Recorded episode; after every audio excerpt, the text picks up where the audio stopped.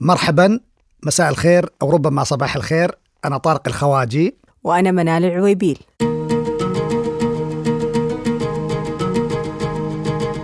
نرحب بكم في الملحق الثقافي. إحنا اليوم في حلقتنا الأولى نتناول قضايا وقصص وأخبار وفعاليات من عالم الثقافة.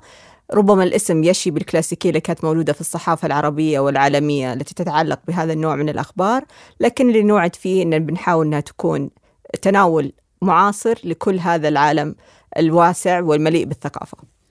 الجميل جدا أنه كلانا ينتمي إلى حقبة كان الملحق الثقافي يلعب فيها دور فاعل وكلانا عمل كذلك في الملحق الثقافي.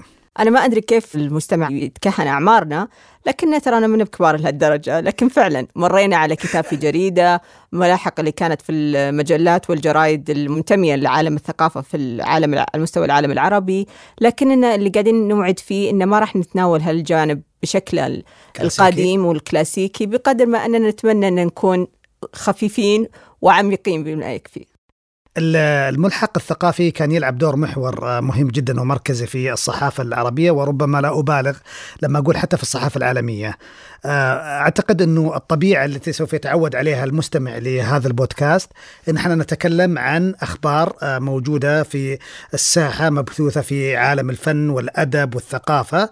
سنتناقش الخبر من جوانب عدة وبعضنا ربما يكون حتى يعني آه، ارتبط بهذا الفعالية أو تلك أو بهذا الخبر أو أو ذاك من خلال اتصال مباشر أو اتصال غير مباشر. وفي الأخير راح نختم بقضية الشهر اللي راح فيها نتناول موضوع له ممكن جدليته أو له جوانبه الجديدة أو الاستعادية اللي نقدر نوصل فيها إلى خيارات نتوافق فيها ربما وقد نختلف.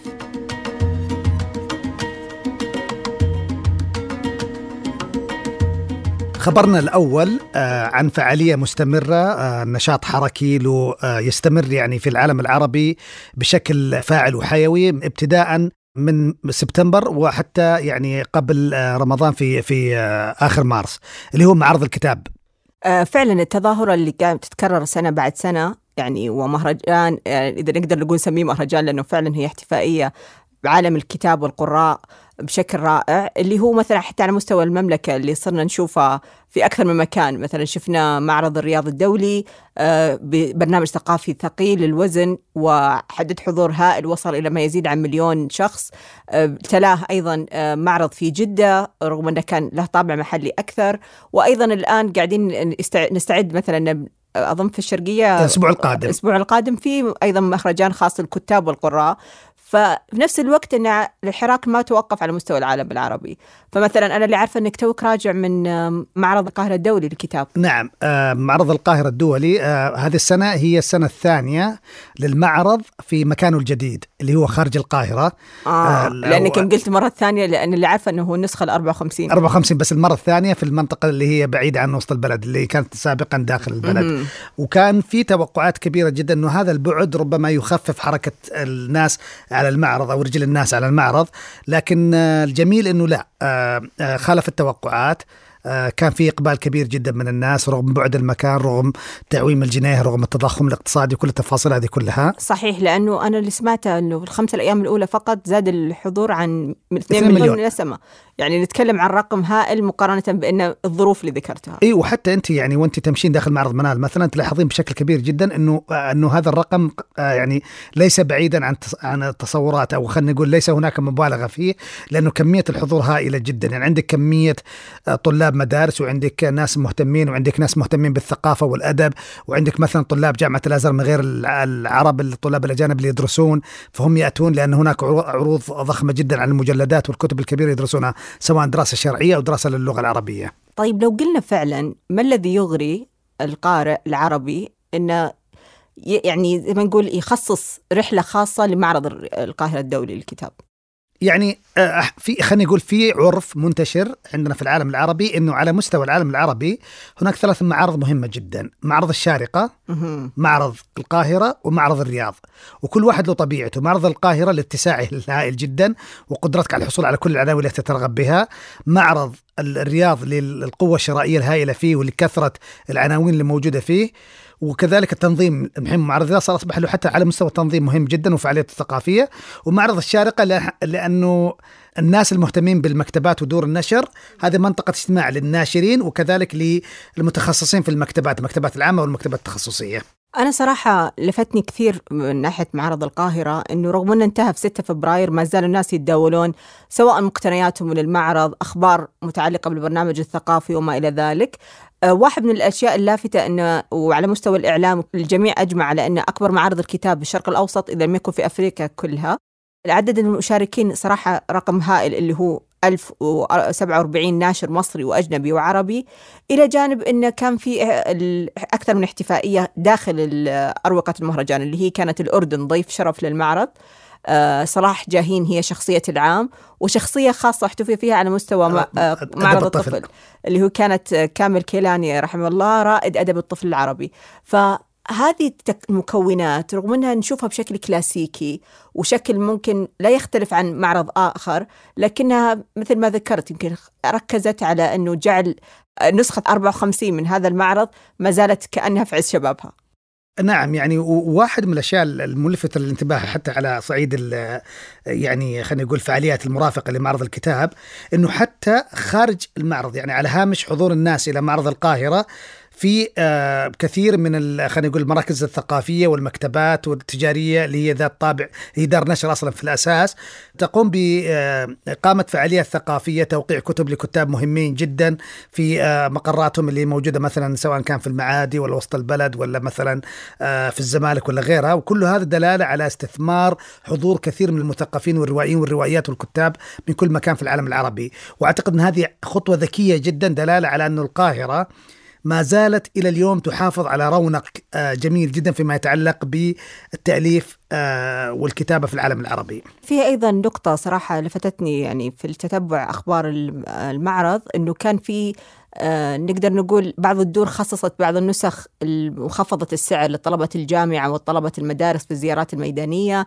البعض خصص أيضا نسخ مجانية من بعض الكتب ففعلا أنه هذا العالم يعني سيظل حيا ما دام في كل الخيارات متاحة لجميع أنواع القراء نعم يمكن من الملاحظات الغريبة وأنا صراحة يعني أنا معجب بمعرض الكتاب في القاهرة لكن يعني أحيانا لازم يعني ذكر بعض الملاحظات أنه لوحظ على بعض الدور المصرية اللي موجودة في المعرض أنها تقدم الكتب بأسعار أكثر من الدور العربية وهو أمر غير معتاد. يعني أنا لم يسبق لي أن رأيت مثل ذلك وسألت كثير لكن آه، في يعني في نهاية المطاف هناك دور نشر مصرية كثيرة قدمت آه، مجموعة هائلة وافرة من الكتب. وصراحة وأنت تمشين في المعرض وتشوفين هذا الكم الهائل جدا من الكتب تعرف أنه ما زال الناس يقرؤون وما زال هناك كتب جيدة تصدر رغم أن إحنا دائما نعشق المنظر التشاؤمي اللي هو توقف الناس عن القراءة والكتب الجيدة قلت وكل التفاصيل هذه كلها إلا أنه هذا المشهد السنوي كل سنة يمنحني آه، يعني خلينا نقول كذا جرعة من التفاؤل آه، آه، أظن يحتاجها بشكل أو بآخر.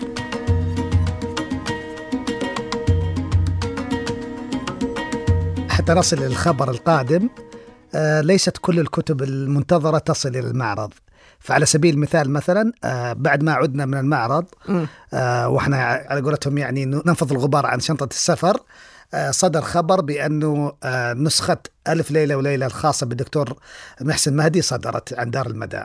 المفارقة هذه آه، فعلا تحدث عنها الكثيرين في المواقع آه، التواصل الاجتماعي.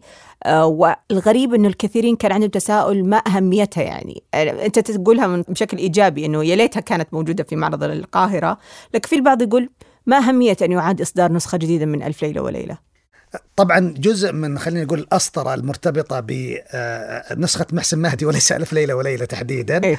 إنه نسخة محسن مهدي نشرت آه، من مكتبة بريل آه، في لأيدن آه، وكانت هي تروح الدكتوراه يعني وكانت نسخة باللغة الإنجليزية وظل آه، متداول بيننا كلام إنه في نسخة عربية وإحنا متأكدين إنه في نسخة عربية لكن دائما نشوفها على شكل نسخة مصورة. لا لها دار نشر لا لها رقم آه، تسجيل مثلا في أي أرشيف عربي آه، للمحفوظات المكتبية. وذلك كان دائما إحنا نتمنى إنه يوم من الأيام تطلع نسخة مصفوفة بشكل جيد منظمة مرتبة. وهذا ما نتمنى إنه يحدث في نسخة المدى. المثير دائما الجدل بشأن نسخة محسن مهدي إنه فيها نقطة محورية أساسية. يعني محسن مهدي عنده نظرية أساسية إنه ألف ليلة وليلة هو مصطلح مجازي. وليست هناك ألف ليلة وليلة كما يتوقع الآخرين أو كما يريد الغرب. يعني الغرب مثلا تعاملوا مع ألف ليلة وليلة بنظرة مادية أن هي ألف ليلة وليلة تحديدا. لكن محسن مهدي يقول لا هي 300 ليلة فقط وما في أكثر من كذا. أوكي. وإنه أنتم بس يعني لأنكم تفكرون بهالماديه الحادة ففي إضافات هو يدعي مثلا أو يقول علشان ما يعني أنا لأني أقدر جدا دكتور محسن مهدي فلا أريد أن يأخذ أحد انطباع كلمة سيئة عن كلمة يدعي لكن هو يقول إنه أنطون جالان أضاف على الكثير من الروايات اللي نقلها يوحنا عبود إلى فرنسا لما لما هاجر من سوريا إلى إلى باريس. وفي كلام إنه نسخة ريتشارد بورتن أيضا فيها إضافات. والعجيب مرة يا منال إنه كثير من القصص اللي يقول محسن مهدي وغيره من الباحثين إنها قصص مضافة هي الأكثر شهرة. علاء الدين والأميرة مرجانة وقصة آه شو اسمه بساط الريح وعلي بابا والأربعين حراميا لكن مثلا الشاطر حسن وقمر الزمان وكل التفاصيل لا هذه يعني قصص أصلية. فأعتقد أنه هذا هو المثير جدا بشأن نسخة محسن مهدي. أنا صراحة لما يعني لفت الإصدار نظري. كان عنالي أيضا أرجع أستعيد بعض المعلومات عن الدكتور محسن مهدي تحديدا. آه يمكن اللي ما يعرفه هو من أبرز المشتغلين في حقلي الفلسفة والأدب وأيضا كان مهتم بالدراسات المتعلقة بتأثير هذا الأدب أو منطلقاته من ناحية سياسية آه، في في تلك الحقب. فأتذكر أنه مرت عليه أكثر من يعني معلومة أو رأي له في بعض مثلا اللقاءات الصحفية اللي كانت معه. هو كان يراها أقرب ما تكون إلى تلخيص لآراء الناس في السلطة والسلطان في ذاك الزمن. نعم. يعني أكثر من كونها مجرد قصص مفروض تتداول لمجرد نقول الحزاوي اللي, اللي كانت في تلك الفترة لكن أيضا الموضوع الملفت للنظر فكرة مثل ما ذكرت أنه ليش توها تطلع هذه النسخة العربية رغم أنها هذه النسخة اشتغل عليها من أيام السبعينات وهي أطروحته للدكتوراه أيضا فكرة أنه كان له علاقة جيدة يعني حسب ما توصلنا معلومات أنه مع المجمع العربي وهو كان يعتبر عضو عضو رغم وجوده هو مستقر كان في أمريكا إلى وفاته في 2007 لكن يمكن إحنا محظوظين إن أن تصلنا النسخه متأخرة أفضل من لا تصلنا بتاتا. إي نعم. آه وأيضا يعني آه ألف ليلة وليلة آه يعني كان في كلام كثير دارج عندنا في ثقافتنا العربية إنه ألف ليلة وليلة هو نص تم تقديره عندنا بعد ما تم مباركته من الغرب. صحيح. لكن لما تشوف مثلا اشتغال محسن مهدي مثلا والدكتور محسن الموسوي وكثير من الناس اللي اشتغلوا بشكل كبير جدا أو محاولات ال ال الروائيين الجدد مثلا في العالم العربي على رأسهم مثلا منصور عز الدين وطارق إمام وغيرهم في محاولة إنه الاستفادة من هذا التراث العظيم لألف ليلة وليلة. والدكتور محسن مهدي كان واحدة من النقاط الأساسية عنده الاشتغال على ألف ليلة وليلة من أصولها العربية. تحديدا. جميل. هذه النقطة تجعل فكرة الاشتغال بالمواضيع التي لها طابع اللغة الأم أو التراث الخاص بالمنطقة يجعلها أكثر أنا برأيي أصالة.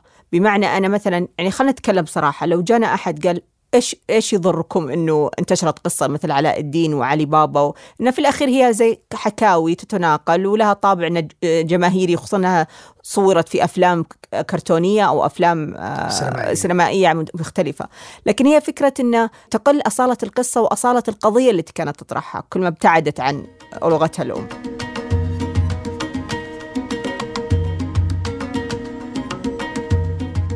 من الأخبار الجميلة اللي مرت علينا في شهر فبراير آه، اللي هو تدشين آه، النسخة الأولى من بنالي الفنون الإسلامية في جدة.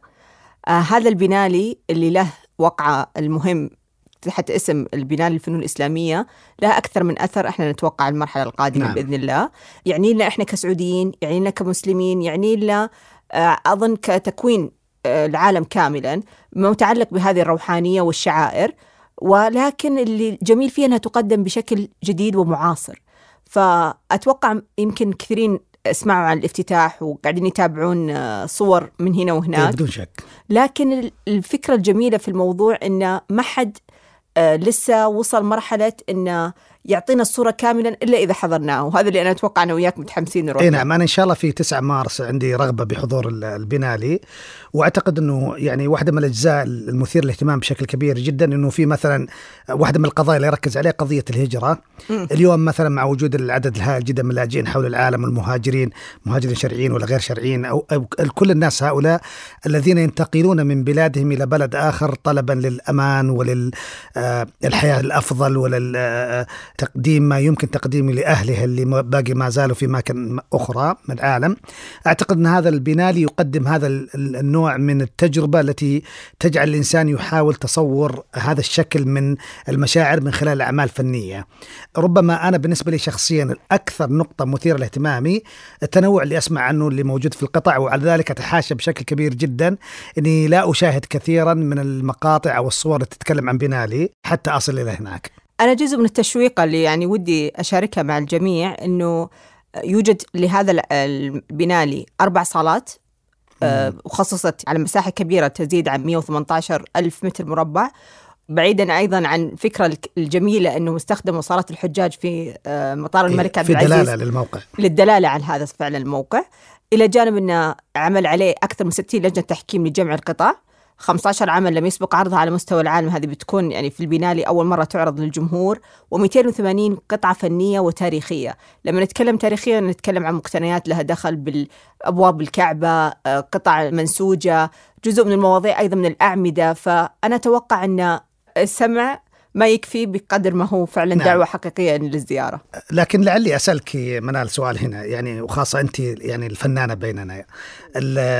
سؤالي آه، ليش كلمة بنالي؟ ليش ليش مش معرض؟ ليش مش آه، يعني خلينا نقول صارت عرض؟ جميل، هي أصلا مصطلح إيطالي يعني هو المعرض اللي يقام دوريا وخاصة يسمى بنالي اللي هو يقام كل سنتين، فهي رمزية الرقم اثنين تحديدا. لكن هو أيضا نسبة آه، إلى مؤسسة بنالي الدرعية اللي هي أصلا مقيمة على هذا المعرض قبل سنتين أسست هذه المؤسسة أقامت الدورة الأولى من بناء الدرعية والآن تقيم في جدة للفنون الإسلامية. الفكرة أنا الصراحة ودي برضو بما أنك سألتني عن المصطلح أنه أزمة المصطلحات أو أزمة آه، حجم المعارض أو مدى تخصصها ما أتمنى يجعل من المتلقي يعني يتخوف أو ينفر ويظن إن هذا الشيء فقط للمتخصصين. فعلا هو ممكن تكون مناسبة رائعة جدا وتظاهرة كبيرة لكثير من فنانين نقاد وممارسين بالذات لكن في نفس الوقت أنا مؤمنة جدا أن التعاطي مع هذه النوعية من التظاهرات الفنية وبالذات لما نتكلم عن شيء يمسنا آه، في العالم الإسلامي وفكرة تصوير الهوية الإسلامية والنظرة المعاصرة للفنون الإسلامية. يعني ما راح نتكلم فقط عن عمارة وقطع أثرية بقدر ما هو منظور جديد يتعاطى فيه فنانين عالميين وعرب وسعوديين مع نظرتهم لفكرة الهوية الإسلامية. فأنا أتخيل أنها بتكون رحلة مشبعة لكل الحواس لكل المهتمين سواء ممارسين للفن أو عدم. جميل. إذا هل يمكن القول أن كل شيء غير هادئ في المنطقة الغربية بسبب بناء الفنون الإسلامية؟ صحيح. أنا أنا برأيي أنه هذا تسويق رائع لموضوعنا القادم.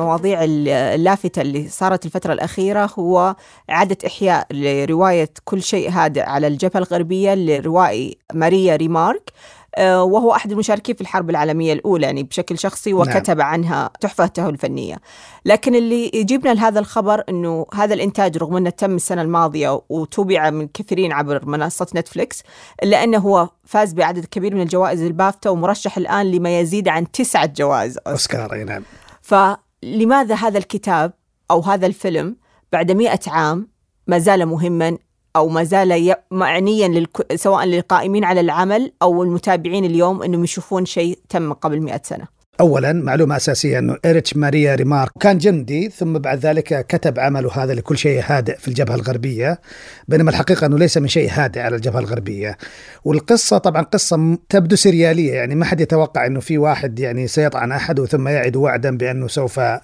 يحاول أن أن يهتم بأسرة هذا الرجل اللي اللي قتلوا لأنه لأنه ما من حل آخر في الحرب هذه هي الحلول الموجودة. آه لكن آه إيريش ماريا ريمارك عنده عمل أيضا فاتن ومهم جدا اللي هو ثلاثة رفاق. والرواية هذه صدرت عام 28 وهذا ليس يعني على الأقل في ذلك الوقت ما كان معتاد إنه التحول يجي بشكل سريع جدا من السينما. يعني لم يستغرق الأمر إلا سنتين في عام 1930 آه لويس آه مايلستون آه حول هذا العمل إلى إلى فيلم. وأخذ الأوسكار بالمناسبة. وأخذ الأوسكار. إريش ماريا ريمارك كتب العمل هذا لو كل شيء في الجبهة الغربية في وقت ألمانيا تعيش فيه ذل هائل جدا بسبب الحرب العالمية الثانية. فالنازيين وكثير من الوطنيين المتحمسين الألمان كان عندهم موقف حاد جدا من هذه الرواية ومن الكاتب. بل إنه حتى إذا تذكرين القصة الشهيره لحرق الكتب اللي موجودة في المحرقة النازية في ألكسندر بلاتس كان واحد من الكتب اللي حرقت هذا الكتاب تحديدا. كل شيء هذا في الجبهة الغربية. أنا صراحة مر علي أكثر من خبر أو تصريح مثلا لبرجر المخرج لنسخة 2022 آه، هو سعيد بالنجاحات اللي حققها الفيلم مع إنه إنتج ونشر على منصة مثل نتفليكس. يعني ما ما كان في قياس واضح لشباك تذاكر بس إنه كانت فكرته أيضا انه هو مناسب للمناخ الأوروبي إذا نقدر نقول اللي هو الآن متأجج. ما بعد أحداث آه، حرب الأوكرانية مع روسيا بعد خروج بريطانيا من الاتحاد الأوروبي. الموجات المتعلقة بالشعوبيين الآن الجدد إذا نقدر توقع نقول. توقع الحرب الجديدة الحرب إيه، الثالثة. يعني هي فكرة إنه يرى إنه هو لم يقصدها ولكن تزامنها مع هذا المواضيع بهذا الشكل الحاد في هذا المناخ. يساعد أيضا أن الجميع يعني زي ما نقول خذ نفس. انظر للعالم مثل ما شاف ريمارك في ذاك الزمن. يعني يلفتني أيضا نقطة ذكرت في مقدمة الرواية اللي سنحاول ببساطة الحديث عن جيل من الرجال على الرغم من أنهم ربما نجوا من القذائف فقد دمرتهم الحرب. وهذا يمكن آه، رسالة لكل العبثية اللي ممكن تصير مثلا الآن في أوكرانيا أو في أي حرب عالمية ثالثة قد تكون. وربما هذا هو ريمارك يعني أظن ريمارك رجل دمرت الحرب.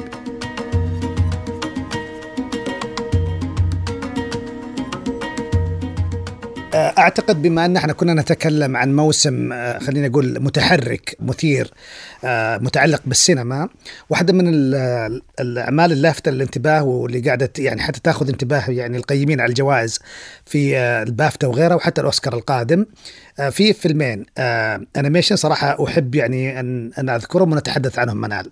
اللي هو فيلم بينوكيو اللي اشتغل عليه ديلتورو وفيلم الصبي الثعلب والخلد والحصان. فيلم مدته نص ساعة وفاز في جائزة خاصة في البافتا لأفضل فيلم قصير animation آه، الجميل في هذا الفيلم خلانا ندخل في مغامرة المقارنة المشاعرية بين بينوكيو وبين آه هذا الفيلم.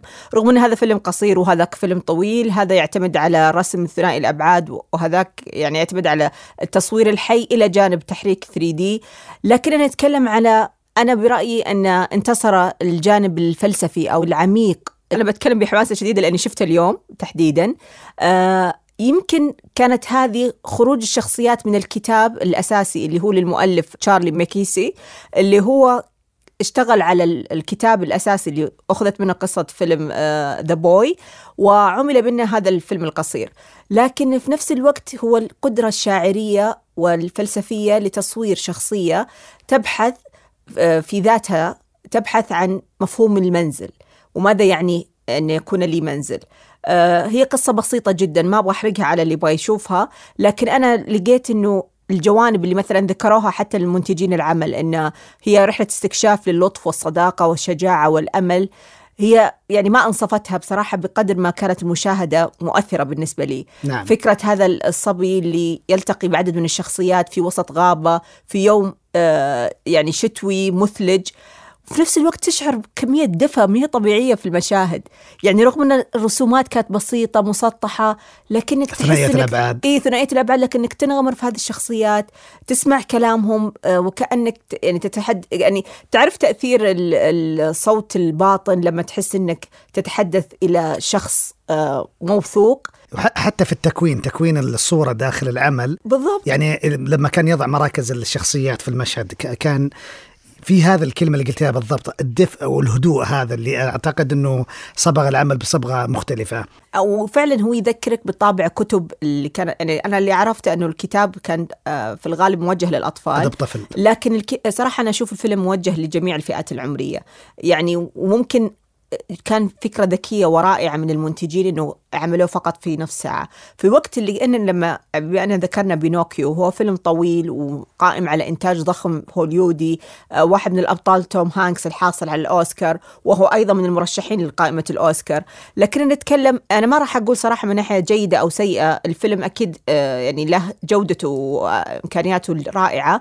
لكن لما نتكلم عن فكرة هذه الرحلة البحث عن الذات أو رحلة البحث عن الوجود الخاص اللي هي مثلا تتعلق بشخصية بينوكيو اللي هو دمية يبحث عن الشعور بالقبول نعم. والشعور نعم. بالاستحقاق أنه يعيش خياراته في هذه الحياة والرضوخ للاشتراطات والرضوخ للاشتراطات بينما أنت تشوف هذا الفيلم العميق في آه، جملة بسيطة يقول لك أنك أنت بحد ذاتك كافي. دون منزل ودون أصدقاء ودون أي شيء في العالم قد تكون كافيا لنفسك نعم. ورحلتك الخاصة يعني أنا متعاطف مع بنوكيو لسبب يعني غريب شوية وشو؟ لكن كلنا في مشاهداتنا لنا أسبابنا الغريبة أول شيء أنا معجب يعني بعمل دل تورو سواء كان على مستوى يعني هذا الفيلم أو أفلام أخرى أو حتى على على اشتغالاته في الفيديو games أو حتى على اهتمامه بال cosmic horror أو الرعب الكوني إذا صح التعبير آه لكن آه بنوكيو آه ما أبغى أقول مستهلك آه، في السينما بس تم معالجته كثيرا. صح. يمكن عمل آه، دلتورو يعني آه، خلينا نقول له طابعه المختلف تماما. وهذا اللي يخليني أعتقد إنه الفيلم له حظوظ كبيرة جدا لأنه تنفيذ دلتورو عظيم جدا لهذا الفيلم ومدهش يعني بشكل كبير. بس ما أدري ليش منال دائما عندي هذا الشعور اللي قاعد يتضخم وأتمنى اني دائما مخطئ بشأنه اللي هو فكرة إنه لما يتم معالجة عمل مثل بنوكيو وتم اشتغال عليه أكثر من مرة سواء من خلال أفلام آه animation أو أفلام آه إذا صح التعبير أفلام live action عندي شعور دائما أنه كأنه السينما الحديثة تعاني بشكل أو بآخر من عمليات امتصاص الدماء الموجودة في الأعمال الناجحة تاريخيا. يعني على سبيل المثال آه أنا ما أشعر بالشعور هذا نفسه لما كنت أتكلم على فيلم كل شيء هادئ على الجبهه الغربية لكن أشعر به لما أتكلم عن هذا الفيلم أو أتكلم عن فيلم مثلا علاء الدين مثلا علاء الدين مثلا أو ذهب مع الريح مرة أخرى مع أنه ذهب مع الريح ما أظن له حظ ابدا مع ال political correction اللي قاعد يصير في العالم. لكن أقصد إنه هذا الشعور دائما بإنه في محاولة عصر ما يمكن عصره من أعمال مشهورة جدا ولذلك أشعر دائما بالإعجاب بفيلم The Boy مثلا اللي هو شيء بالنسبة لي جديد تماما ومختلف. وفكرة الأصالة يعني أتفق معك إنه مثلا أنا صراحة قرأت كثير انتقادات مثلا صارت لفيلم بينوكيو إنه مع إنه كان في تغيير لبعض الأحداث لبعض التفاصيل يعني عشان يخلق خلق دهشة للمشاهد لكن الكثيرين اتفقوا إن أداء الشخصيات كان رائع صحيح. الإنتاج يعني من ناحية المؤثرات الصوتية والمؤثرات البصرية العمل على الصورة والآرت خلفها الكل اتفق على جماليته بس قليلين مثلا عنالهم مثلا تفاصيل القصة تفاصيل الحوارات نوعية التوجه اللي م. أخذ مثلا آه، العمل. يمكن أن نفتقد للأعمال الهادئة أو أن يمكن يمكن كبرنا ونبغى أشياء كلاسيكية وأكثر دفء في ليلة شتائية مثل اللي صار لذا بوي في رحلة عبر الغابة.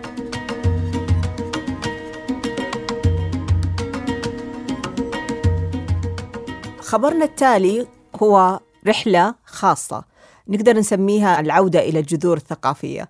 بمعنى أننا عندنا رموز وعندنا إرث ثقافي سواء على مستوى العالم العربي أو محليا على مستوى المملكة العربية السعودية آه، لهذه الرمزيات اللي تحولت إلى جذورنا الثقافية أنا أشوف أن أحد أهم هذه الجذور متعلق بصوت الأرض طلال مداح نعم. وأظن أن كلنا تقاطعنا يعني بشكل مباشر أو غير مباشر مع الليلة التي تمت تكريما له تحت اسم ليلة آه، صوت الأرض في 1 فبراير تابعت الحفلة؟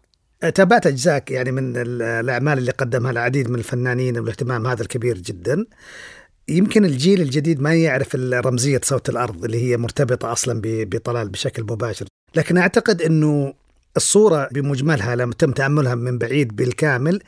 في هذه الفكرة اللي هي ليست استعادة آه، طلال مداح فقط وإنما حتى استعادة الزمن اللي أنتج آه، فنان مثل آه، طلال مداح صحيح. يعني إحنا نتكلم عن قامة فنية توفت من بداية الألفية تقريبا وفي نفس الوقت الحضور الحقبة نفسها بشعرائها بملحنيها بالعلاقات اللي كونها طلال على مستوى المجتمع السعودي الرمزيات الإعلامية فكرة أنه كيف حضر كأنه هو أحد آه، أهل البيت في كل بيت سعودي. لكن في نفس الوقت إنه هذه الليلة يعني ممكن نتكلم إنها فعلا هي استحضرت آه، جوانب مختلفة في البيت السعودي متعلق بطلال. لما نتكلم إنها أيضا عرضت في 40 قناة عرضت على سبع منصات المشاهده نعم مختلف الدول العربية وشارك فيها 43 فنان وفنانة. يعني في نظرة كلاسيكية دائما كنا نحسها أو يمكن تعودنا عليها عربيا. أنه دائما نتخيل اللي يغني الفنان راحل أو حاضر لازم يكون صوته قريب منه. مثلا زي الناس اللي تعودوا له فلان مناسب أنه يغني أغاني عبد الحليم لأن طبقة صوته متقاربة. نعم. وهذا الشيء مثلا نسمعه في أم كلثوم لما نقول هذه صوتها ليس بقوة أو طبقة أم كلثوم, أم كلثوم نعم. لكن اللي صار لما تكلم 43 فنان وفنانة في طبقات مختلفة في أصوات مختلفة. وحتى المعالجة يعني خليني أقول لما يعيد تسجيل الأغنية وإعادة توزيعها في هذا القطعة اللي هي ليست متطابقة بالضبط مع آه، خليني أقول عمل طلال الأصيل. أنا عندي هنا وجهة نظر غريبة شوية وممكن تناقشيني فيها. أيوة. أنا أعتقد أنه هذا النوع من التظاهرات الفنية تزيح ثقل آه، حضور طلال على اكتاف كثير من الفنانين في الليل. لأنه دائما هذه المقارنات معقوده بس لما يحضر طلال بهذه الطريقة خليني أقول الثقيلة من الجهة الأخرى يتم تخفف الفنانين الآخرين من هذه المقارنة الدائمة أو نقدهم أو خلينا نقول وضعهم في طبقات معينة بمقارنة مثلا طلال أو آخرين. فأعتقد النوع هذا من من التظاهرات الثقافية الفنية تجعل العلاقة أقل توترا إذا صح التعبير. أنا اللي عجبني أيضا يعني وأضيف على اللي ذكرته وأتفق معه يعني نجونا من الخلاف على هذه النقطة أنه فعلا اللي صار كأن تغيير نظرة لإرث فني بهذه الأهمية. يعني بمعنى أنه وراثة هذا الإرث أو كيف تقدم هذا الإرث ليس معتمد على أنك تستحضر نفس الصوت أو نفس الطبقة أو نفس الشكل وما إلى ذلك بقدر ما هو أن ممكن استعادة الفنون هذه بشكلها المعاصر وتكريما لهذه القامة. يعني إعادة إحيائها بطريقتك الخاصة. وأنا أشوف أنها كانت فكرة جيدة صراحة أن الأسماء متعددة ومختلفة. لكن أنا كانت عندي مفارقة مختلفة عنك يعني في نظرتي للحفل أنه لاحظت أن أغلب المقاطع أو أغلب الوصلات آه، اللي عجبتني كانت ما لقيت لها صدى زي ما توقعت. مثلا أنا مثلا لفتني جدا وأشوفه خيار يعني غريب غريب يعني نحو جيد اللي هو مثلا أداء عمر عبد الله الأغنية قولوا للغالي قولوا له أي. أنا مثلا بالنسبة لي كانت هذه ال highlight في الحفل بينما الكثيرين مثلا عجبتهم سين أو صاد وما مو معناته إني اخطئهم بس أقصد إن هذه الجدلية هي اللي تخلق دائما طلال إن أغانية تعجب الكثيرين وقابلة للتداول والحديث عنها إلى جانب الاستماع لها. جميل. ما دمنا نتكلم عن موضوع استعادة الجذور تعرفين أنت في بعض الفعاليات تبدأ فعاليات يعني خليني أقول طابعها احتفالي وكذا لكن حتى أثرها يعني له له خليني أقول مساحة معينة. بينما بعضها لا طابعها يعني حاد التأثير بشكل كبير جدا. فلعلي مثلا أضيف على ليلة صوت الأرض في عندك مثلا جميل بثينه المسرحية الغنائية المسرحية الغنائية يعني آه هذه أيضا محاولة آه استثمار لقصة ذات جذور ضاربة بشكل كبير جدا في تراث الجزيرة العربية اللي منتمي إلى حقبة آه تاريخية مهمة جدا وفيها هذا الطابع اللي ملتحم بالشعر بشكل كبير جدا. الجميل في هذه المسرحية إنه كثيرين يعني هم سمعوا عنها لما عرضت مؤخرا في جدة يعني هي كانت عرض الخاص لها في جدة تقريبا في منتصف شهر فبراير نعم. لكنه هذا العرض الثالث، العرض الأول كان في العلا في 2020 بعدين عرضت في الرياض آه، عام 22 السنة الماضية وهذه السنة تمت في جدة.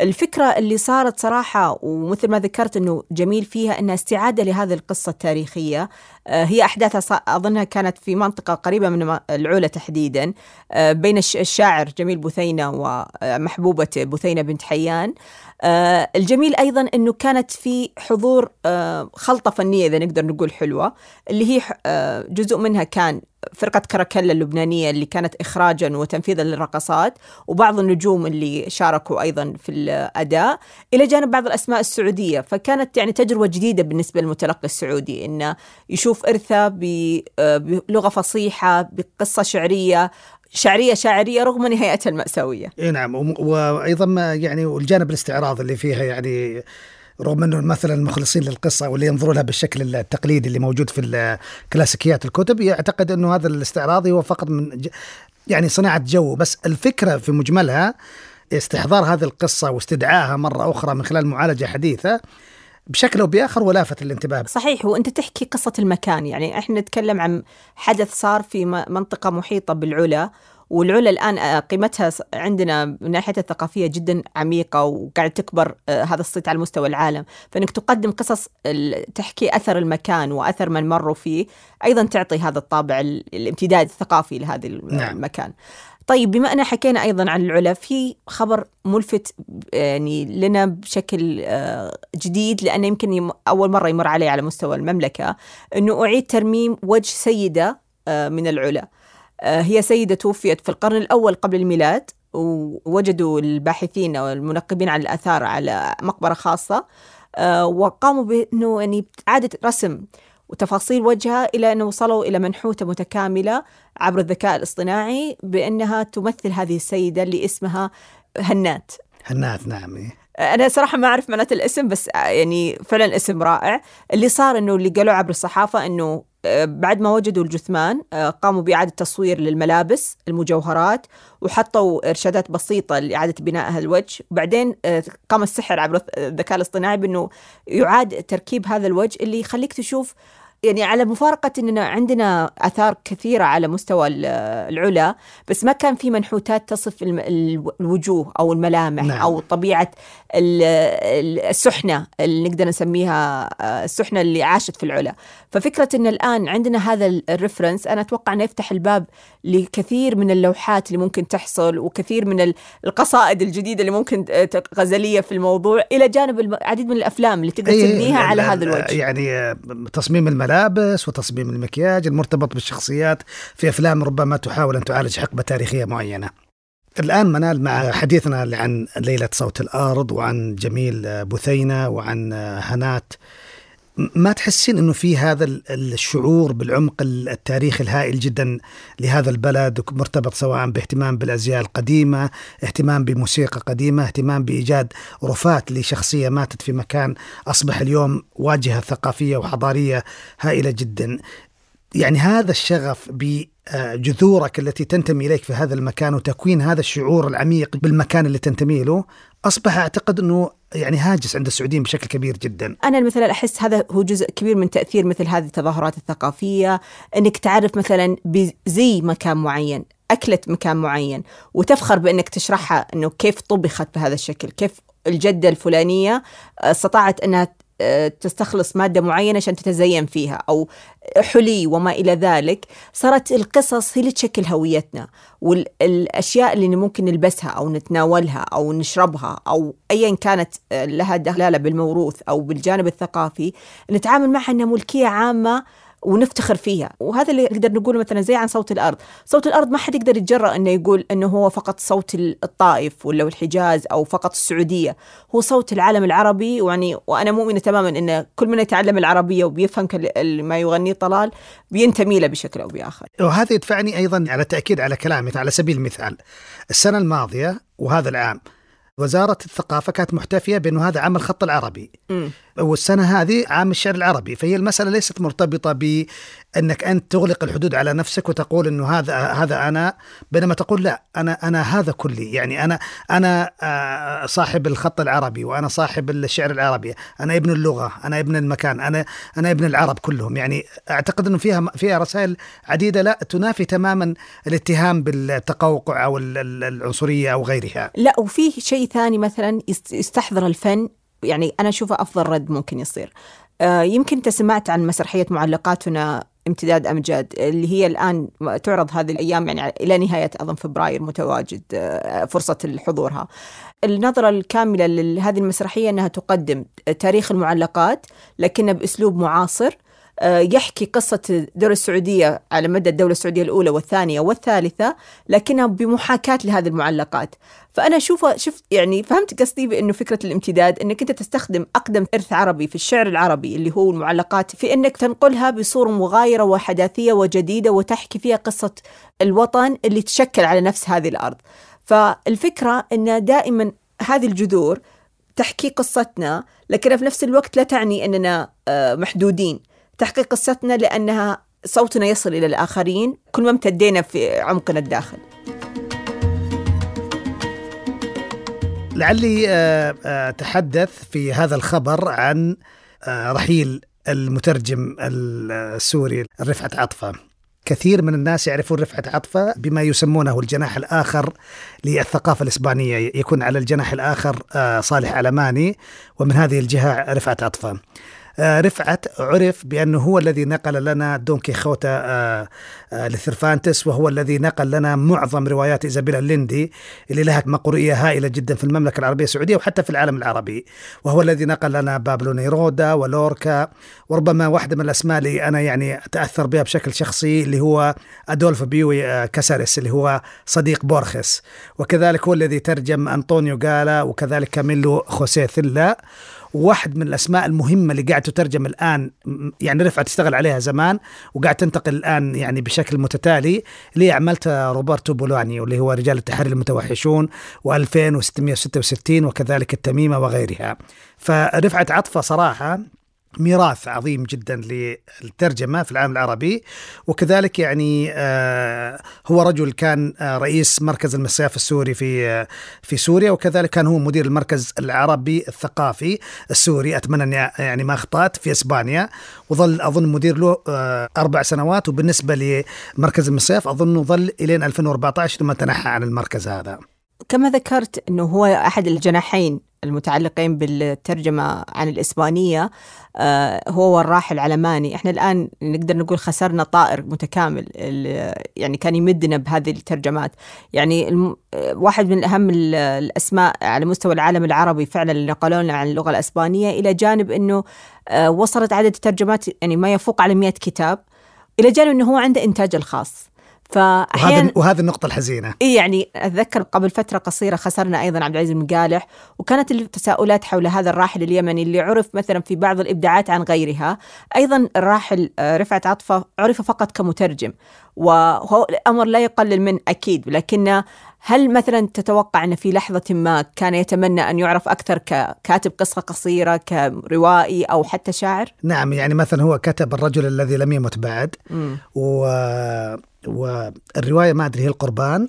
هي آه، روايته اسمها قربان وعنده ديوان شعري إغفاءات على حلم متكرر. المتكررين نعم. فأنا فيما قرأت عنه سواء قبل خبر وفاته أو حتى بعد خبر وفاته لكن أنا لأني مهتم فيه من زمان يعني كنت أعرف أنه هو يعشق الشعر جدا وهو يعني مهتم بالشعر ولكن يعني ما عرفنا له بترجماته. يعني مثلا في أحد من الأجزاء الجميلة جدا في شخصية رفعت عطفة الله يرحمه هو لقبه أبو زيدون. فشوف حتى التسمية. تسمية ابنه يعني مسمي ابنه إيه زيدون. إيه ت- تسمية أندلسية اي بحتة. أندلسية بحتة. يعني هو مثلا فائز بجائزة المستعربين الإسباني. آه هو مثلا له حضور كبير جدا فيما يتعلق بالمسرح على سبيل المثال. لكن كل هذه الأشياء إحنا لا ننتبه لها. يعني واحدة من الأشياء المهمة جدا اللي ما ينتبه لها الكثيرين إنه رفعت عطفة راح لأعمال فيها صعوبة غريبة مرة. يعني مثلا كاميلو خوسيه ثيلا عنده عمل آه، صعب جدا اللي هو عائلة الباسكل دورات وعنده أيضا ال- الكتاب الثاني اللي هو لحن مثوركا على ميتين مثلا. ما, ترجم رفعت عطفة لكن اشتغل على شيء معين له علاقة مهم. بالعمل هذا.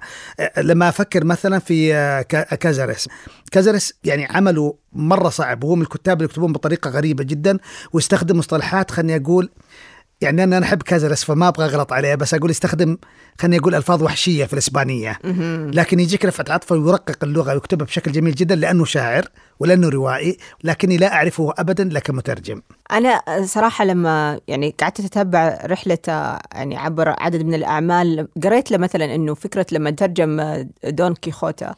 آه، كانت هو يقول إنه أنا لم أكن المترجم الوحيد لكنه مثلا ما كان معجب ببعض التراجم اللي مرت عليه. صحيح. مثل ما ذكرت يعني كان يقول إني لقيت بعض استخدام المفردات كانت أكثر تعقيدا وأكثر تقعيرا إذا نقدر نقول لمجرد ال- الفذلكه اللغوية. فيقول أنا حبيت إنه أقدم رؤيتي الخاصة ففيما يبدو أن هذا انتصار للشاعر داخله والروائي اللي عنده هذه اللغة اللي متفردة اللي ممكن تخليه يشوف المنتج الأدبي بعين خاصة ليست عين المترجم فقط. أنا أنا جربت ال- دون كيخوتا من أكثر من ترجمة.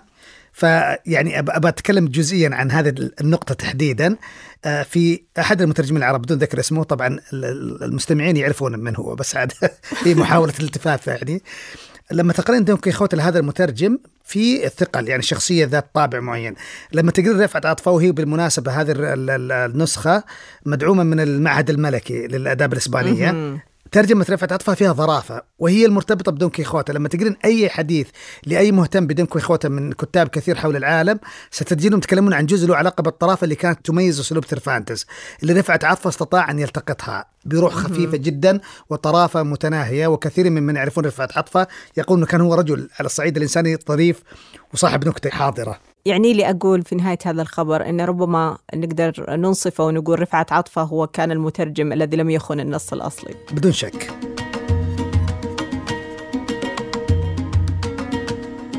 طيب وصلنا الآن إلى قضية الشهر.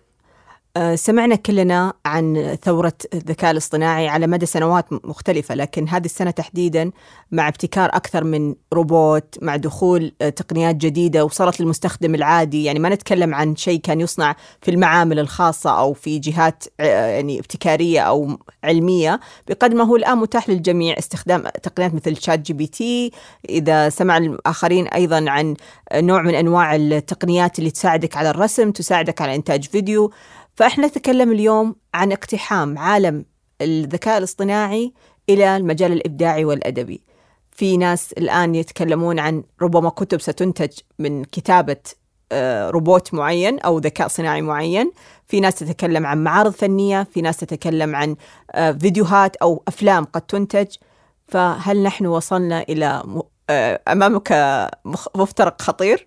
طيب أنا بالنسبة لي شخصيا آه، صراحة لا أشعر بالقلق ابدا من الذكاء الصناعي لعدة أسباب. يعني ممكن السبب الأول اللي ما يخليني أشعر بالقلق من الذكاء الصناعي إنه يعني لا حدود لغباء البشر.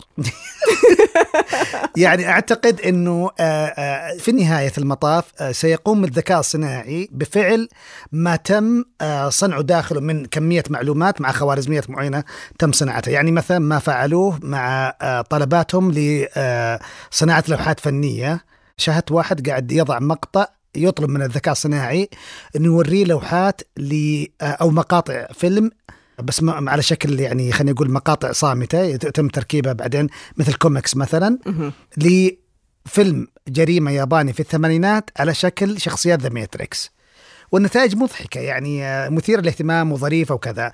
وربما لاحظت مثلا في ال GPT chat مثلا واحدة من الطلبات إنه قل شعرا في هتلر مثلا فيجي يقول لك هو هتلر شخصية كذا فيها كذا كذا. فهو في النهاية أجاب بالأسئلة اللي وسمعت آه إنه في ناس يخدعونه بالأسئلة. يعبثون معه ويتلاعبون فيه. فالذكاء الصناعي حتى ذلك الوقت آه اللي يثبت فيه موقف معين يمكن ذاك الوقت يتكلموا بعض الناس عن القلق.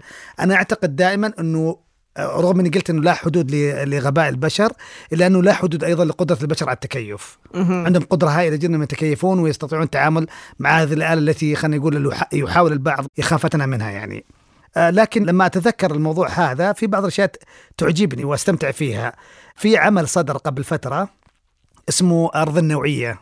أو أرض الجودة النوعية اسمه Quality Land رواية أيوه؟ لمارك أوفه كلينج اللي هو الكاتب الألماني. والعمل صدر على مجلدين. بس أنا أول ما عرفت عرفته في المجلد الأول. وأنا أقرأ العمل كان العمل يتكلم عن آه، عصر آه، معين آه، ديستوبيا في عصر متأخر. وبعدين واحدة من الشخصيات الموجودة روبوت يكتب رواية لكن تم إرساله إلى شخصية اسمها محطم الآلات يحطمها لأنه هذا الروبوت عجز يسوي يعني حبكات جديدة وصار يخربط وكذا. الظريف جدا إنه صدر بعد فترة جزء ثاني للرواية كاتبها الروبوت اللي موجودة في الرواية اللي هي الدلالة على إنه الروبوت هذا عنده قدرة، فأنت لما تروحين المكتبة بتلقين الرواية على شكلين، الرواية الفضية اللي اسمها Quality Land والرواية السوداء اللي اسمها Quality Land 2.0 اللي هي الجزء الثاني من هذه الحكاية. فهذه الظرافة أنا اللي أحب أتعامل فيها فيما يتعلق بالذكاء الصناعي. أنا أعرف أن كثيرين يعني قلقين من موضوع الذكاء الصناعي ودخوله. قد يضر مثلا بالمهن. وجود ناس يعني قد يكونون كتاب أو رسامين أو حتى مقدمين بودكاست في حلقتهم الأولى. لكن اللي صراحة اللي أشوفه مقلق يعني أن فكرة هذا الانهماك البشري في أنك تقلل احتياجك إلى البشر. يعني أنت كأنك عدو جنسك في نفس الوقت. بمعنى أنه أنا أفهم جدا مثلا لو كانت مشكلة وقت. يعني نتكلم عن منتج إبداعي بحت. ما نتكلم مثلا عن احتياج خط إنتاج في مصنع إلى إن مثلا بدل ما ينتج خلال شهر آه، مجموعة من السين أو صاد من المنتجات المعينة إنه يحتاج إنها تنتج في ظرف خمس دقائق. بينما مثلا خلينا نتكلم عن التجربة الإنسانية اللي تحتاجها الروائي مثلا اللي قد يكتب كتابة على مدى سنة وسنتين وثلاث. بينما مثلا تدخل موقع زي ال ChatGPT وتطلب منه آه، رسم لشخصيات معينة كتابة سيناريو أحداث معين. قد لا يكتبها بجوده فائقة لكنه بيختصر لك الطريق. بس هذا مرتبط أيضا بنقطة ثانية. يعني نحن نتكلم عن عمل إبداعي يستغرق فيه الفنان وقت كبير جدا لكي يتلقى قارئ أو قارئ أو مشاهد أو مشاهد أو مستمع أو مستمعة بطريقة يعني خلينا نقول فيها كثير من الامتنان. ولا أبغى أظهر هنا كأني عدو الأجيال الجديدة لكن إحنا نتكلم عن جيل يستهلك بدون أن يهتم. وينظر لما انتجوا أحدهم في في سنوات إنه يعني يقرأ اليوم وبكرة يعتبره عمل قديم ولا ينظر له ابدا بأي نظرة إعادة نظر أو محاولة تأمل. هو يذهب لما بعده أو يذهب للاحق والذي بعده والذي بعده. بس أنا أشوف إن هذا الأثر هو اللي بيخلق جفاء بين فكرة إنك تقدر العمل لأجل العمل فقط اللي هو المنتج الأدبي أو الإبداعي أو تقدره لأن اللي أنتجه هو عنده فكر مناسب لطريقة تفكيرك أو ذوق معين. مثلا لو تكلمنا أن الآن سيدخل عالم الموسيقى وإنتاج آه، ألبومات متكاملة عبر الذكاء الصناعي. بينما أنت تجد أنه هو عبارة عن خوارزميات. يعني في الأخير هذا اللي أنتج هذا العمل آه، لا يعني له عمق معين لا يعني له تجربة معينة لا يعني له حقبة معينة. فهمت قصدي؟ إيه، أنه صحيح. يلغي العلاقة الإنسانية بين العمل الإبداعي وبين العمل نفسه والمنتج. وحتى أشك في منتجه. يعني أنا بالنسبة لي أعتقد ان منتجه هو مجموعة من الآليات الرقمية والبرمجة المكثفة اللي تخليه يطلع في النهاية هو هجين من تاريخ موسيقي طويل يبتدئ من أول فجر البشريه حتى اليوم يعني لكل ما تم حفظه في الذاكرة البشرية. لكن لو تسمحي لي بس أرجع خطوة لورا لما جينا نتكلم عن إنه عدم اهتمام بالعنصر الإنساني ومحاولة القفز عليه. أعتقد إنه هذا هو ما يحدث اليوم، يعني اليوم اللي قاعد يصير مثلا في كثير من الشركات حول العالم تقليل آليات الإنتاج لكن تكثيف السعر الاستهلاكي أو تكثيف الاستهلاك اللي يضر المال عليه، فهو أصلا ممارس قبل الذكاء الصناعي. البشرية من فترة طويلة تحاول تقلل بشكل كبير جدا من الإنسان بقدر ما تستطيع. يعني هذا حصل في عصر النهضة الصناعية. هذا حصل في عهد في عهد تطور الآلة. هذا حصل لما ظهر الكمبيوتر بتفاصيل كثيرة جدا. فأعتقد أن الإنسان قاعد يسعى فيه. وفي نقطة ثانية أنا أعتقد أنه أظن جزء آه غريب يعني من من من خلينا نقول اشتراطات الذهن البشري اللي موجودة في الدي إن اي حقه إنه يسعى بشكل حثيث لحاتمه دائما يعني الانسان عنده رغبة هائلة جدا في التدمير يعني عنده طابع تدميري داخلي. ولذلك أنا أعتقد إنه كل اللي كتبوا الروايات الدستوبية ترى ما جت من فراغ. أعتقد إنهم يعتقدون حقيقة إن الإنسان ناوي على نفسه يعني من زمان يعني وقاعد يتخذ أشكال كثيرة جدا في إيجاد هذه الطريقة خلينا نقول الخلاقة والمبهجة جدا في النهاية. طيب لو حكينا يعني أنا صراحة لست متخصصة في موضوع الخوارزميات والذكاء الصناعي لكن مثلا آه، عندي مثالين يعني صادفتهم يعني خلال بحثنا في هذا الموضوع الشائق. اللي هي فكرة مثلا يمكنك سمعت عنها الروبوت أيدا اللي تصنف نفسها أول أو صنفها صانعوها أنها أول روبوت يعتبر رسامة وشاعرة يعني بخوارزميات خاصة تؤهلها الابتكار وليس فقط أنها مخزنة نوعية من المعلومات اللي هي تستعيدها عبر المنتج اللي تنتجه. وبين تجربة في اليابان لمجموعة من الباحثين شاركوا في مسابقة للأدب آه، بكتابة رواية وترشحت يعني المراحل المتقدمة ما راح أقول المراكز الأولى لكنها كانت قائمة بشكل كامل. على الذكاء الصناعي كتب هذه الرواية ومن اللي قيمها؟ وقيموها آه، أساتذة باحثين في الجامعة اللي قدمت المسابقة أنا عندي سؤال صراحة عن آيدا وعن الفريق الياباني أو الذكاء الاصطناعي في اليابان اللي قدم هذه الرواية. هل إحنا لما نتعاطى مع هذا المنتج يعني أنا صراحة شفت لوحات الآيدا وما راح أكذب إنه لو تجاوزت إني عندي تحسس من الذكاء الاصطناعي يعني بعترف إنها فعلا معجبة فيها كفنانة أصيلة. لكن في لحظة ما لما تتذكر إنه رسمه بدون مشاعر بدون عمق أنا ممكن أتخيل وراه حتى لو كان قصة متخيلة بدون آه، طابع إنساني يشعرك إنه هذا العمل غير قابل للتكرار لمجرد التكرار أو لمجرد الاستنساخ. كنت بقول لك إنه واحدة من فناناتي المفضلات ممكن في يوم من الأيام تكون آيدا. لكن لما تسترجع إنه شخص هو يعني حتى أنا شفت فيديوهات لها وهي ترسم يعني هو ليس شخص هو آه، روبوت جامد يستخدم طرف واحد فقط يد اليمين آه، وفي مجموعة من الخوارزميات وهي تستخدم الكاميرات خاصة عندها زي الحساسات عشان طريقة آه، تستخدمها في أثناء الرسم. ففي هذا الحاجز النفسي هل أنا أقرأ شعر آيدا ولا من صمم آيدا؟ هل أنا أقرأ الرواية اليابانية اللي هي السين أو صاد من ذكاء اصطناعي أو اللي صمموه؟ يعني أنا صراحة بالذات تحديدا في موضوع اللوحات أنا عندي أزمة حقيقية. يعني مثلا لما أشوف لوحات بولوك إيه. وأشوف لوحات آيدا أحس آيدا يعني عندها جانب إنساني أكثر من لوحات بولوك. يعني أقصد إنه آيدا في النهاية هي تنتج ما تم حقنها به. يعني خليني أقول كيف. يعني مخرجاتها مدخلاتنا. أها. فبشكل أو بآخر يعني أحس إنه جزء من الجمال اللي داخلنا حاولنا نحقنه داخلنا ينعكس بشكل أو بآخر على العمل الخارجي. لكن أيضا في المقابل دائما أفكر في المنتج اللي تنتجه الآلة ذات الذكاء الصناعي بأنه له أشكال مختلفة وهذه الأشكال المختلفه اللي اللي, تحكم علاقتنا فيه. يعني مثلا أتصور علاقتنا باللوحات اللي بتنتجها الآلة الصناعية ربما تختلف بشكل كبير جدا عن المنتج الموسيقي. لأن المنتج الموسيقي مثلا إنسان يعني وهذا طبعا زي ما قلت لك أنا ما أبغى أظهر من البداية ان عندي مشكلة مع الرجال الجديدة بس احسهم انهم فعليا حساسيتهم للموسيقى منخفضة. مقارنة مثلا بحساسيتهم للوحه يعني إنه مثلا أقل بملايين المرات. فلذلك هو يحب يستمتع باللحظة ما يهمه من اللي يسويها.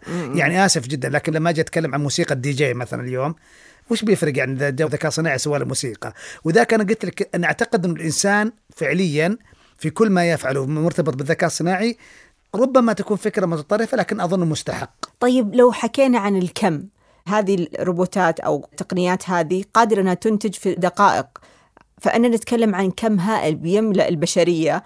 ومن سيستهلكه أظن يعني آه تعرفين فكرة العملية إدارة خلينا نقول المواد البلاستيكية والمواد خلينا نقول الدائمة الاستخدام اللي هي إعادة تدوير. م. فأنا لا أستغرب أبدا أنه في عصر قادم سيكون في إعادة تدوير للمنتج الإبداعي بمعنى أنه اليوم أنت سمعتي أغنية فبعد فترة ستختفي من كل محركات البحث أو من أي نظام أرشفة إلكتروني ثم بعد ذلك تسمعين الأغنية هذه بس الأغنية 2.0 آه 3.0 يعني النظرة الجديدة للريكفرز. اي للريكفرز أو إعادة الإنتاج أو نسخة remastered أو محدثة أو نسخة منقحة ومزيدة ومحدثة يعني مع بعض. أنت لا ترى هذا الأذى قادم لكن أنا في يوم من الأيام لما أقدم الحلقة 0.7 من حلقة الملحق الثقافي مع الروبوت اللي بيختارون المعدين بنشوف رأيك يعني كمستمع لما تتصل فينا. يعني سأحاول إني يعني أطالبهم بالالتزام بأنه ينقلون له كل الأفكار اللي موجودة عندي عشان أظل أختلف معك دائما ويمكن أكون أنا الشخص الثابت والروبوت الآخر هو اللي بيكون موجود في الطرف الآخر. طيب قبلنا التحدي أنا عندي صراحة إذا تسمح لي آه، أبغى أقرأ لك رد من شخص مختص ممتاز يعني معني بالموضوع ويعني خلنا نتناقش في رأيه الرأي يقول أنه يمكن اعتبار الأعمال الأدبية والفنية للذكاء الاصطناعي أنها انتهاك للإبداع البشري وبالتالي فهي مثيرة للجدل حيث أنها تفتقر إلى الدقة التي لا يمكن تحقيقها إلا من قبل البشر. بينما يعتقد البعض الآخر أنها يمكن أن تحقق مستوى من الأصالة والإبداع تفتقر إليه الأعمال البشرية.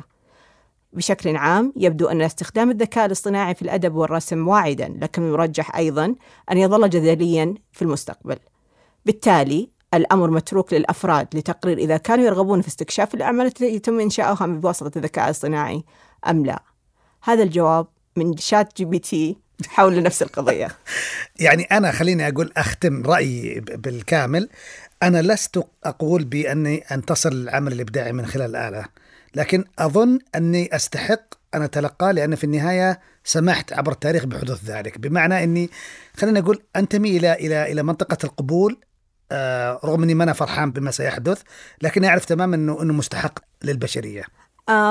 أنا برأيي أني أتمنى تتأخر هذه الخطوات كثيرا وتظل على مستوى المختبرات والمعامل على الأقل خمس مواسم من الملحق الثقافي. لا صدق يعني أنا أحس أني ما أبغى هذا الاختبار اللي ممكن كل مرة أدخل فيه آه، معرض آه، أو جاليري أو حتى أقرأ كتاب بعدين يصير مفاجأة ترى هذا كتب بواسطة ذكاء اصطناعي مخزن في زي الكلام اللي قبل شوي أنا كنت أحسبه عالم فعلا اللي قاعد يتكلم. شفت؟ عشان كذا أقول لك الموضوع يعني أنا بالنسبة لي أتفق مع تشات جي بي تي في أنه مثير للجدل والقلق. وأنا أتفق معك في ذلك. جميل. آه شاكر لك جدا منال وشاكر لنفسي آه إدارة هذا الحوار الجميل. آه أنا طارق الخواجي. أنا منال العويبيل وكنا معكم في الملحق الثقافي نتمنى لكم يوما سعيدا أو ربما ليلة سعيدة. شكرا لكم.